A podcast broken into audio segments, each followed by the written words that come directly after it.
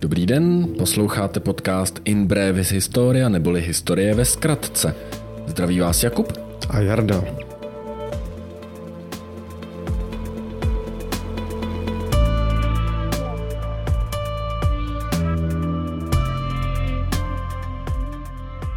A dneska se podíváme na to, jak římané stavěli silnice a zda je stavěli rychleji než my. tak dobrý, no, tak mě odpal hned na začátku. Takhle, nevím, jestli je eh, stavili rychlejc než my, rozhodně je stavili podle mě kvalitnic, protože jak se určitě během dnešního povídání dozvíme, tak spoustu těch silnic Itálie využívá do dneška. Hmm. Buď je to znakem toho, že ty silnice byly tak dobrý, anebo Italové mají teďka tak špatný silnice, že musí používat ty starý. jo, římský standardy se změnily. Tak. tak já bych eh, začal eh, okřídleným račením. Všechny cesty vedou do Říma. Je to pravda? Je to pravda. A je to dokonce doložený fakt. Uh-huh. Protože všechny cesty, respektive v obráceně, všechny cesty začínají v Římě. Ano.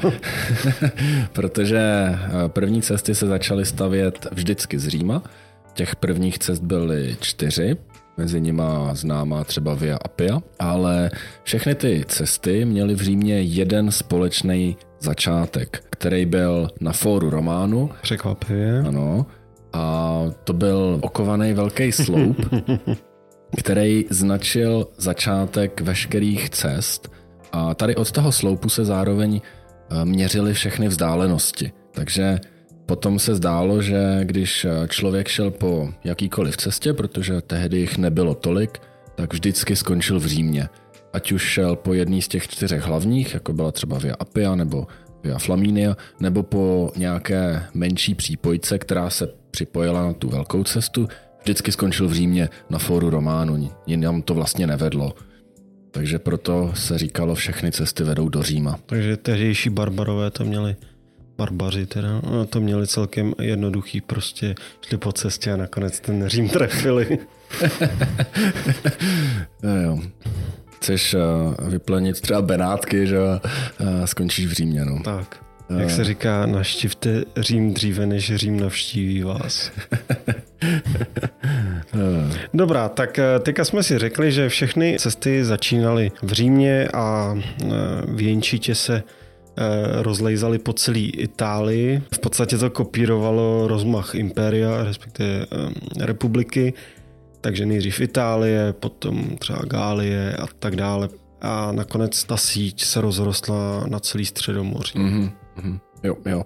Ono samozřejmě jako s tím, jak se impérium rozšiřovalo, tak eh, Římani stavili cesty i v provinciích, protože to bylo rychlejší pro přesun vojska, bylo to rychlejší pro přesun zásobovacích vozů a obchodníků, a, ale i pro přesun jako normálních pěších turistů. No, v současné době máme různé typy silnic, ať už dálkové silnice, čili dálnice, silnice první, druhý, třetí třídy, máme polňačky a já nevím, lesní cesty.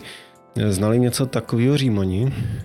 Znali. My jsme se toho dotkli v díle o poště. Tam jsme se bavili o tom, že eh, některé cesty byly přístupné pouze těm kurýrům. Těch cest bylo více druhů.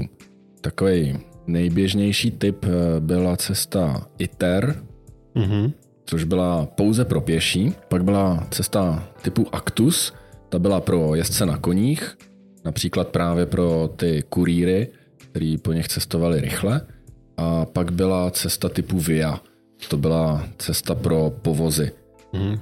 Současně eh, vlastně nejznámější druh uh, silnice římský.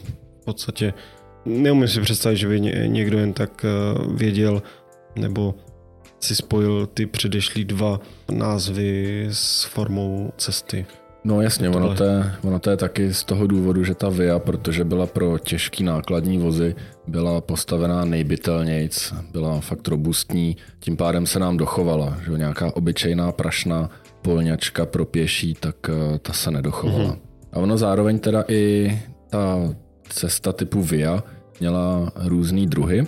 Byla VIA publike, což byla veřejná hlavní cesta, kterou stavěl a udržoval stát a spojovala velký města.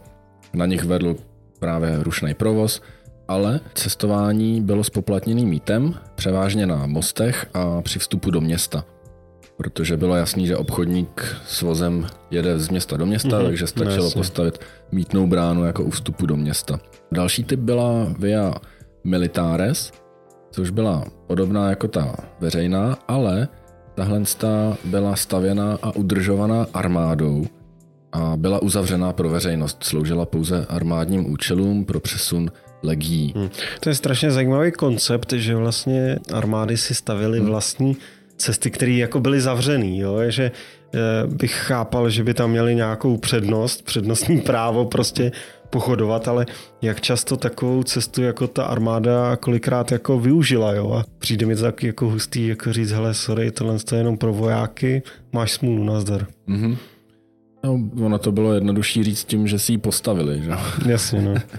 no, pak byla i nějaká hm, jako soukromá, čistě soukromá cesta via private a nakonec byla nejmenší cesta via Vitřinales a to byla taková silnice druhé třídy, která nevedla k městům, ale k vesnicím. Vesnice totiž byla Vikus, proto Vitřinales. Mm-hmm. No, teďka jsme si řekli, že máme nějaký druhy silnic, nicméně bavili jsme se tady o nějaký Via Appia, Via Flaminia. To vlastně neznačí eh, nějaký účel té cesty, ale je to přímo název té cesty. Mm-hmm. Jo. Asi by bylo super si tady pár těch eh, nejznámějších cest popsat, protože přestože jsou to jenom silnice, tak dost často v eh, historii a v dějinách antického Říma sehrály zajímavou nebo důležitou roli a s ohledem na to, jak byla náročná stavba takovýchhle silnic, tak dost často byla buď eh, přímo financovaná, po případě eh, vytyčená a naplánovaná třeba nějakým císařem, po případě cenzorem. Vlastně myslím, že nad silnicima měli dohled cenzoři. Mm-hmm, jo, je to tak. A dost často právě eh, ty stavby byly pojmenované po nich. Není to určitě Eh, novodobý výmysl už v antice, když už si někdo něco nechal, nebo pro veřejný blaho nechal postavit, tak si to pojmenoval po sobě. Takže například už zmíněná Via Appia je podle římského cenzora Appia Claudia eh, no, Sekuse, Ceka. Ceka. Ceka. Hmm a ten už ji nechal postavit v roce 312 před naším letopočtem. Je to jedna z nejstarších starověkých eh, silnic, který právě vedli z Říma a vedli například do Kapuji a byla později protažena až do přístavu Brundisium, což je dnešní Brindisi. Mm-hmm. Proč uh, o téhle silnici taky mluvím? Kromě toho, že byla jednou z nejstarších. Já myslím, že byla dokonce první. Dokonce první, že jo? Já jsem si mm. to myslel.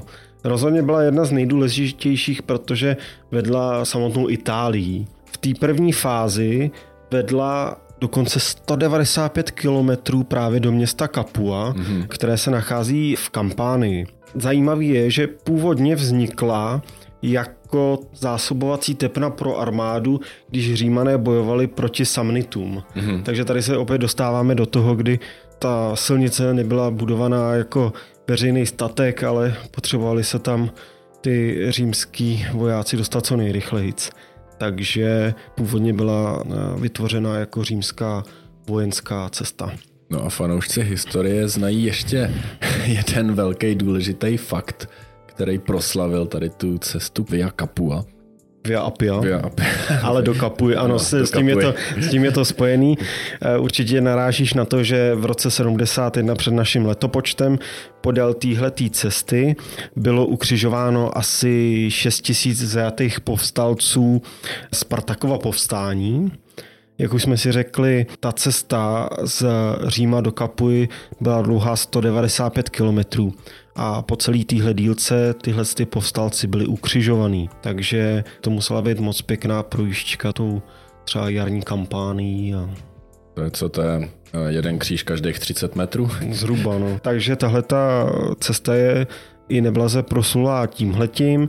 Další, co doteďka můžete na téhle silnici, která mimochodem v Římě pořád je, najít, tak na přelomu 2. a 3. století bylo kolem téhle cesty zbudováno římskými papeži rozsáhlé pohřebiště, takzvané Kalixtovy katakomby, takže vlastně podél té cesty je i pohřebiště. Mm-hmm. Nakonec téhle silnici se samozřejmě nevyhla zkáza během úpadku, během raného středověku.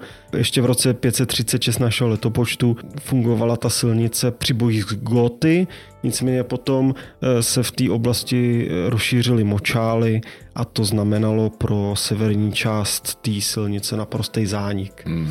V současné době, pokud byste měli zájem, v Římě nebo z Říma vedou dokonce dvě tyhle ty silnice. Via Appia Antica, tam právě najdete třeba ty katakomby, po případě opravdu doteďka krásně vydlážděnou tu starověkou silnici. Ale pozor, pokud byste zamířili na Via Appia Nuova, mm-hmm. tak to je dálnice. Moc hezký. No, ono obecně ty cesty vedly vlastně těma nejdůležitějšíma směrama a tak spousta těch eh, historických silnic byla postupně předělána podklad té cesty je součást normálně silniční sítě v Itálii. Mm-hmm. Jo? Například Via Latina, Latina mm-hmm. je v současnosti integrovaná do italské silniční sítě jako Via Casilina SS6. Aha. Tahle ta silnice, která je opravdu jako integrovaná do té silniční sítě, tak je opět jednou z nejstarších silnic eh, v Římě nebo v římském impériu, byla postavena dokonce v 5. nebo 4. století před naším letopočtem, takže podobně jako ta Via Appia, vedla přes území Latinu do města Capua opět, ale hmm. zase trošku jinou cestou. Tam právě v Kapuji se napojovala na Via Appia. To možná už eh, posluchačům došlo, tahle silnice se jmenuje podle toho, že protínala Lácio, vlastně mm. území Latinu. Celou dobu se tady teďka bavíme o nějakých eh, silnicích, které vedly z Říma. Ale existovaly v pozdější době silnice, které nevedly z Říma, ale byly součástí téhletý sítě silnic. A to je takzvaná Via Agrippa což byla dokonce označení pro celou síť římských cest v Gálii. Nebyla to jedna, ale vlastně geograficky ohraničená síť cest v Gálii. Zase tyhle cesty nechal zbudovat Marcus Vipsanius Agrippa, který tím byl pověřen císařem Augustem při reorganizaci Gálie. Mm-hmm. A jenom v té Gálii samotný v rámci toho Via Agrippa celkově římané postavili na 21 tisíc kilometrů cest. To je úplně neuvěřitelný. Ono teda je neuvěřitelný i celkový číslo, kolik těch cest jako postavili vůbec v celé říši. A to se počítá na 400 tisíc kilometrů a z toho 80 tisíc bylo dlážděných. No, je to úplně nepředstavitelný. Samozřejmě bavíme se eh, v důsledku o několika tisíci letech ani Řím nebyl postaven za den, ale i tak je to obdivuhodná jako inženýrská práce, zvlášť když si uvědomíme, že nejenom cesty, ale i mosty, akvadukty a Tunely. Vůbec, vůbec ta infrastruktura vlastně se uchovala do dnešních dní. Tak, já bych ještě možná z těch eh, zajímavých cest eh, tady zmínil cestu, která se jmenuje Via Salaria a je to vlastně solná cesta. Mm-hmm. Je to cesta, která vedla ze severní Itálie e, přímo do Říma a v době nadvlády Etrusků zajistila Římu faktický solný monopol. Během konfliktu a válce mezi Římany a Sabiny byla tahle tepna, tahle silnice porušena a vlastně došlo k velkým hospodářským problémům, protože opravdu ten trh solnej tehdy v tom Římě byl fakt velký. To nás asi nepřekvapí, v současné době je začleněna do italské silniční sítě pod označením SS4. No vidět, takže se v současné době pořád můžeme projet po starých římských cestách. No. no a jak se může stát, že takhle staré cesty nám vydržely? Předpokládejme, že teda to bylo díky úžasným eh, římským stavebníkům. Jak se taková římská cesta stavěla? No, nebylo to úplně jednoduchý. Byl to vlastně docela komplikovaný a zdlouhavý proces, ale ty římské cesty byly převážně rovný. Římani úplně neoblibovali zatáčky, ale spíš spojovali dva body v krajině rovnou přímkou, nebo případně dvě města spojili rovnou přímkou, což je například uh, právě ta Via Appia, která jde prostě rovně do Kapuj. Mm-hmm. Preferovali teda mírný sklon, což eh, bylo kvůli povozům, aby mohli teda jako ty tažní voly a koně a všichni jako vyjet do kopce, takže ten sklon většinou nepřekročuje 8 stupňů, mm-hmm. ale když se dostali do hor, tak samozřejmě zatáčky uměli postavit. Nebylo to tak, že by řezali ostrý úhly, ale ne, nevyhledávali to. No. Mm-hmm. Prostě když se tomu mohli vyhnout, tak uh, prokopali třeba horu tunelem, postavili most a snažili se prostě nějak ten terén vyrovnat aby nemuseli uhýbat. To jsem se zrovna právě chtěl zeptat, že když eh, Římani postupovali v eh, budování těch silnic, že jo, tak první, co mě napadlo, že když je začali budovat na sever, že trošku se jim do cesty postavili Alpy, tak jestli je nějak obcházeli, nebo právě třeba uměli i ty tunely, že jo, teďka mm-hmm. je to pro nás běžný, že prostě provrtáme horu, že jo, přímě ta představa jako Římanů, jak v Alpách vrtají tunely, ale evidentně jim to šlo. No, asi on, nedohledal jsem jako techniku, kterou používali. Mm-hmm. Asi by se mi to taky nechtělo úplně kutat, radši bych tu horu obešel, ale prostě Římani si řekli, že rovná silnice je správná a šli skrz. Mm-hmm. No a kdo nám takovýhle silnice stavil? Byli to nějaký speciální silniční dělníci nebo otroci nebo... No ano, vlastně všichni. Už jsme se bavili o tom, že stavili legionáři, mm-hmm. to byly teda ty vojenské cesty ale eh, legionáři se využívali na stavbu i veřejných cest, protože když legie zrovna neměla co dělat, tak aby nezahálela, tak se využívala právě i na cestu tady té silniční sítě. Mm-hmm. Byli to otroci samozřejmě, ale byli to i jako svobodní občani, kteří se nechali najmout na stavbu. Měli to prostě jako práci. Mm-hmm.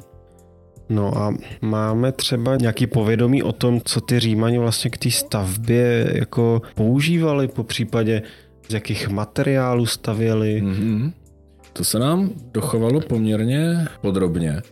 Jako stavby vedoucí byl mensor, který byl zodpovědný za vytyčení vhodného místa pro tu cestu, určil podle terénu, kudy má ta cesta povede a zároveň zajišťoval i materiál, který se sbíral z místa cesty. No a jak to fungovalo? Tak eh, tady ten mensor zaměřil hrubě tu cestu, využíval k tomu systém majáků. Takže na nejvyšších bodech té oblasti, kudy má ta cesta zhruba měla výst, zapálili majáky a potom je eh, zarovnávali do roviny. K tomu jemnému zaměření, zarovnání už používali potom zařízení, který se jmenuje Groma, což je takový pravouhlej kříž na tyči a z toho kříže vysejí čtyři šňůrky se závažím. Ten mensor potom koukal do krajiny přes tady to zařízení a když se mu ty šňůrky začaly překrývat, tak věděl, že má rovný směr. Podle toho se potom posouvaly majáky, aby ty majáky byly v jedné rovině. Uh-huh. A ty uh, silnice stavěly se z jednoho směru nebo třeba z obou stran zároveň? No, na to není úplně jednoznačná odpověď, protože dřív se věřilo, že se stavělo jako z bodu A do bodu B, uh-huh. ale teď se spíš uh, přiklánějí vědci k tomu, že se začalo stavět z obou stran zároveň proti sobě a ty dvě přímky se někde setkaly uprostřed, kde se teda lehce jako zarovnali zatáčkou. Stavěli se teda proti sobě, mm-hmm. aby to bylo rychlejší a jednodušší ten proces. Mm-hmm. Trošku jsme se už eh, vlastně dotkli toho, z jakého materiálu byly ty cesty stavěné, takže tyhle ty via cokoliv byly vlastně kamenný, dlážděný mm-hmm. a z toho důvodu se nám eh, dochovaly vlastně do dnešních Jo, jo, přesně tak. E, zajímavé je, že vlastně ke spevňování těch cest tak římani využívali i maltu, takže opravdu to byly pevné, robustní cesty, nebylo to nějaká vyježděná polňačka.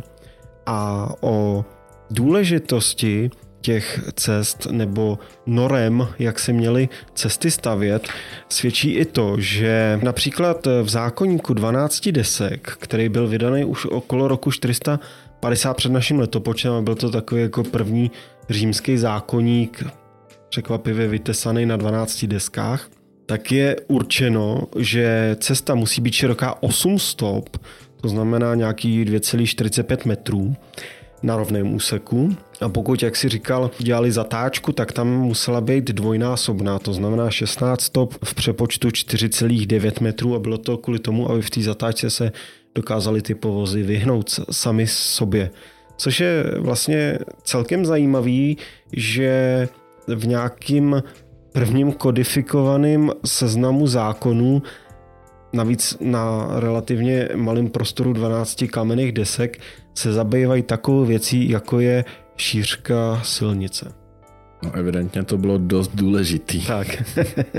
to jsme probrali nějakou stavbu a teďka máme silnice postavený, jsme nějaký kupec třeba, plácnu z Gálie, jak ty se dostaneš do toho Říma? Kromě toho, že prostě půjdeš po cestě, dokud tam nedojdeš, ale aby věděl aspoň, kterým směrem jako máš jít, existovaly nějaký cedule, směrovky, značky? Jasně, neexistovaly mapy v téhle době mm-hmm. ještě. Co my si představujeme, jakože si vezmeš papírovou mapu, tam máš kreslenou zem a silnice a města, tak eh, nic takového nebylo. To, co oni používali, byl spíš takový itinerář. Byl to prostě jmenovitý seznam eh, měst a cest a vzdáleností, pak se to postupně rozšiřovalo, jak se rozšiřovala silniční síť a přidávaly se tam zastávky po cestě, kde si můžeš odpočinout, eh, kde si můžeš dát jídlo a podobně. Mm-hmm. Takže byl to takový cestovní průvodce. Mm-hmm. No v podstatě něco podobného, jestli se nepletu, tak je třeba na mapách CZ, kde když si zadáte trasu, tak kromě toho, že vám to ukáže na té mapě, tak tam pak můžete číst. Po Via Appia se vydejte 500 metrů, pak zahněte doleva a po Via Flaminia dalších 260 kilometrů až do Kapuji. Jo, něco takového tam bylo. Ještě by tam byla informace, že třeba po 20 kilometrech bude občerstvovací stanice, kde si můžeš najmout pokoj a přespat. Mm-hmm. No a byly nějakým způsobem označený samity silnice, nebo mm-hmm. jo, aby člověk jako věděl, když už neměl teda tu mapu, že je teda na té konkrétní silnici. Jasně, aby ses nestratil, když si neměl třeba ten itinerář, tak eh, po cestě, podél cesty byly rozmístěný milníky, velký, až 4 metry vysoký, dvoutunový kamenný bloky, mm. na kterých bylo uvedeno eh, jednak kdo tu cestu postavil, kdo tu cestu spravoval a udržoval, Taky tam byly informace o vzdálenostech do nejbližší osady nebo do města nebo do nejbližší právě té občerstvovací stanice a další jako důležité informace. Mm-hmm. A tady ty milníky byly stavěný ve stylu toho hlavního prvního patníku, který stál na fóru Romanu, který jsme zmínili. Ten se jmenoval Miliarum Aureum mm-hmm.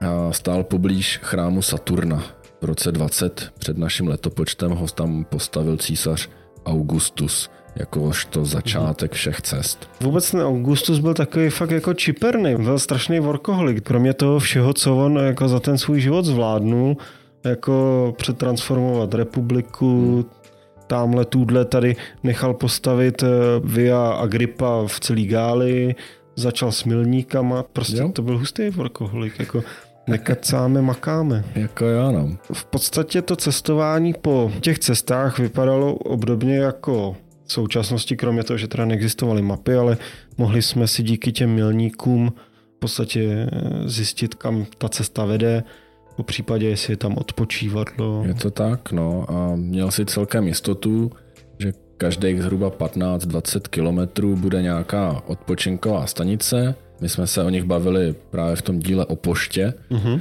takže kurýři si právě měnili koně za čerství na stanicích Mutaciones a poutníci odpočívali ve stanicích Mansiones.